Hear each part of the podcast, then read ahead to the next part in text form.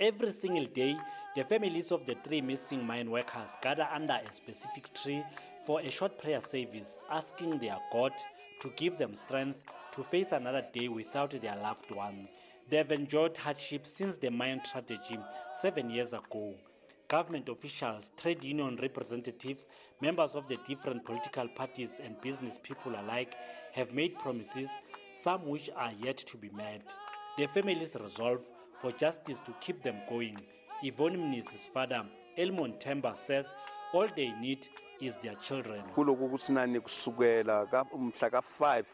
We decided to camp here and eh, workers also supported the decision for us to camp outside eh, the premises of the mine to demonstrate our dissatisfaction so that our children could be retrieved eh, underground.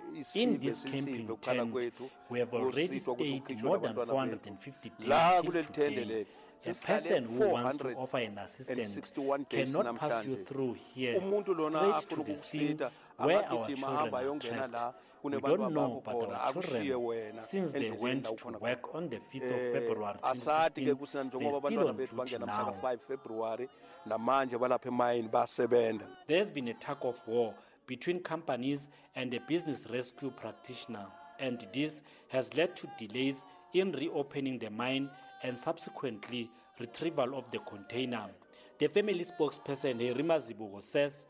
all they want is for the three miners to be retrieved and the mine reopened.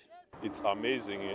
it's questionable to us as the families because there's no one, any representative that came forward to the families because they cannot they eh, say they are representing the rights of Yvonne Pretty and Solomon yet there is no contact because we are there uh, at the mine because we look for closure.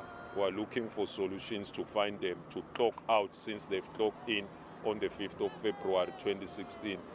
COSATU in Mpumalanga is expected to demonstrate outside the mine to mark the International Workers' Day. Mutsibi wa Monareng, SABC, Lily Mine,